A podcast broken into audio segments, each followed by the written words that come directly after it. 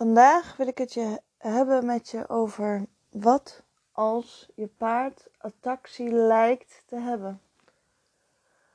Het is een heel dun lijntje waar ik me heel bewust van ben om deze, deze lijn te trekken. Ehm, maar vanuit mijn eigen ervaring en mijn vakgebied zie ik ontzettend veel gangenpaarden die um, gediagnosticeerd worden door diverse behandelaars als atactisch. Um, ataxie is een neurologische aandoening. En waarbij dus geen controle of weinig controle over um, uh, bepaalde spieren, bepaalde benen, bepaalde zenuwen. Um,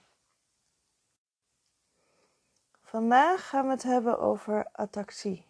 En vooral het stukje wat nou als je paard attractie lijkt te hebben. Want bij gangenpaarden is het nog niet zo makkelijk diagnosticeren. Er zijn ontzettend veel behandelaars die gekke passen zien bij een gangenpaard en weinig kennis um, hebben over al deze gangen, maar vooral ook over alle onbalansen, waardoor het noodzakelijk is om verder te kijken dan op het moment dat je een paard hebt wat atactisch gediagnosticeerd is. Ik wil niet zeggen dat alle gangenpaarden die deze diagnose hebben, dat die geen ataxie kunnen hebben. Integendeel, dat kan natuurlijk zeker wel aan de orde zijn, net zo aannemelijk als bij een ander paard.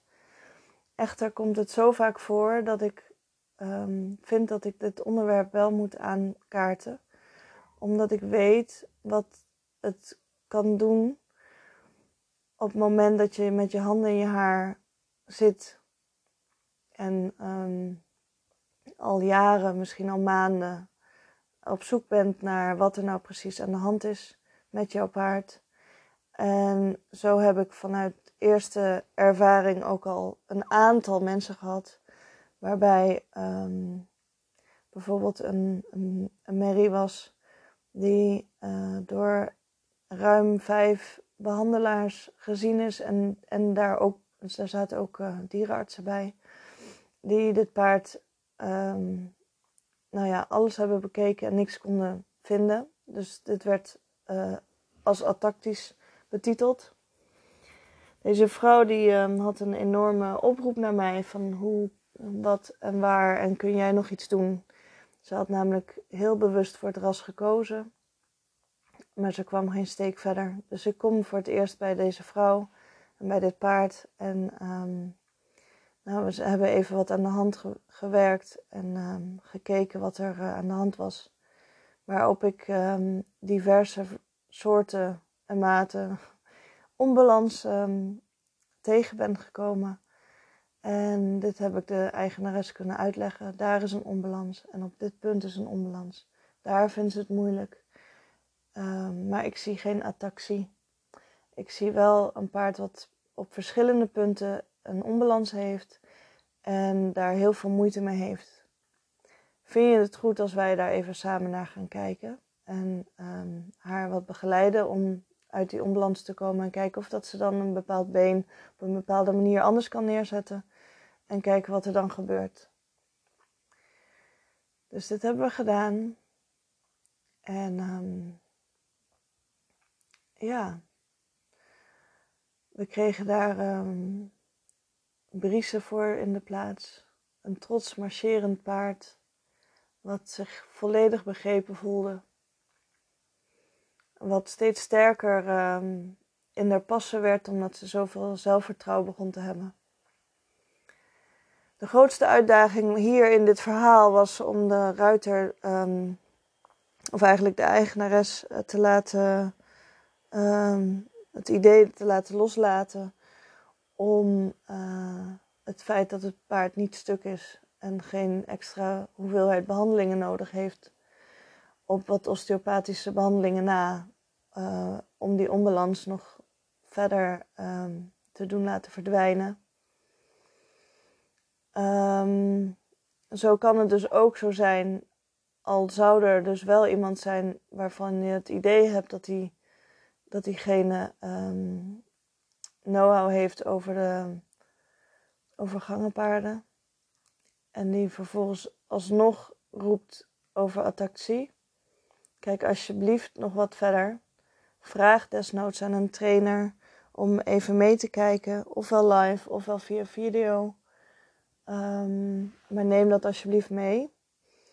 Uh, want ook bij hoefsmeden heb ik dit al een keer vaker meegemaakt, waarvan ik dacht dat die in ieder geval de basiskennis hadden. Nou, dat klopt natuurlijk ook wel. Uh, maar vervolgens toch een um, attractie misschien net iets te snel um, ja, geven. het woord noemen, laat ik het zo zeggen. Waardoor een eigenares of een eigenaar volledig dat omarmt en verder zoekt en onderzoeken wil gaan doen en een bepaalde mindset terechtkomt en een zorg um, en niet meer, niet meer gaat trainen, zeg maar.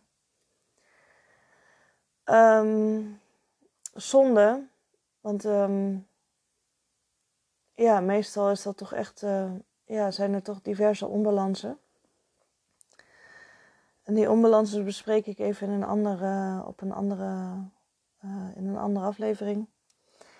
Um, en zo heb ik ook van een andere trainer, waarvan diegene die onbalans niet begreep. Um, het ging over een um, teugelonbalans. Uh, de meesten kennen dat meer als een teugelkreupelheid. Uh, ik vind het een beetje een gek woord om, ja, het ziet er wel kreupel uit, maar om dan direct een teugelkreupelheid alsof die helemaal stuk is. Nou, die, um, dat paard is ook bij mij gekomen en uh, toen constateerde ik, constateerde ik deze onbalans. En um, toen riep de eigenares triomfantelijk: Oh, dus mijn paard is helemaal niet stuk. Um, dat is best pijnlijk, vind ik als trainer, om dat te horen. Want dat betekent dat die eigenares dus heel lang heeft gedacht dat haar paard stuk was. Terwijl het iets rijtechnisch is, of trainingstechnisch moet ik eigenlijk zeggen. Trainingstechnisch is dat op te lossen. Spiergebruik, um, uh, beter spiergebruik, ander spiergebruik kan zorgen dat deze onbalans al, uh, ja, dat het weer anders wordt. Natuurlijk niet alleen maar rondom spieren, maar gymnastiseren en allerlei andere manieren. Of een behandeling van een bepaalde behandelaar die dan op dat moment uh, daarin wat kan, uh, kan doen. Dat is natuurlijk ook een, uh, heel goed om, uh, om naar te kijken. Maar ja, puur atactisch, um, omdat iemand dat idee heeft dat hij waarschijnlijk atactisch is. Jeetje, ik zeg het inmiddels zo vaak dat ik niet meer uit mijn woorden kom.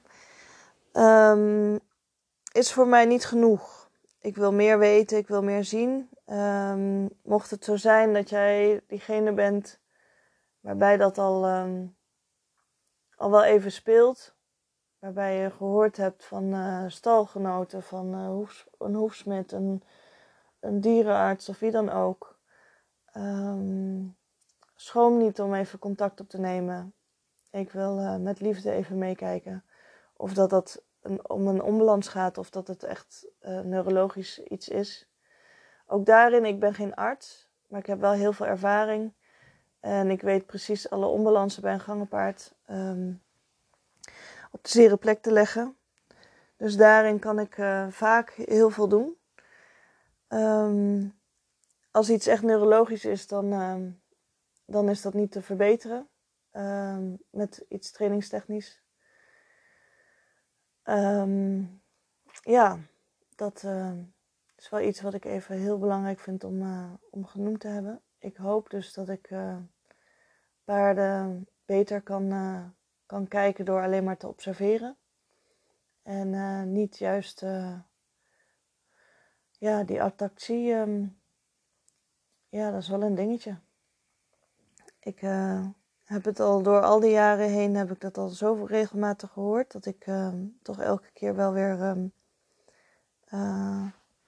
ja, ik zie, ik zie die nood van mensen.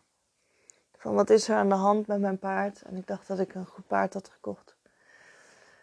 Dus ehm, vandaar dat ik deze aflevering opneem en het daarover heb met je.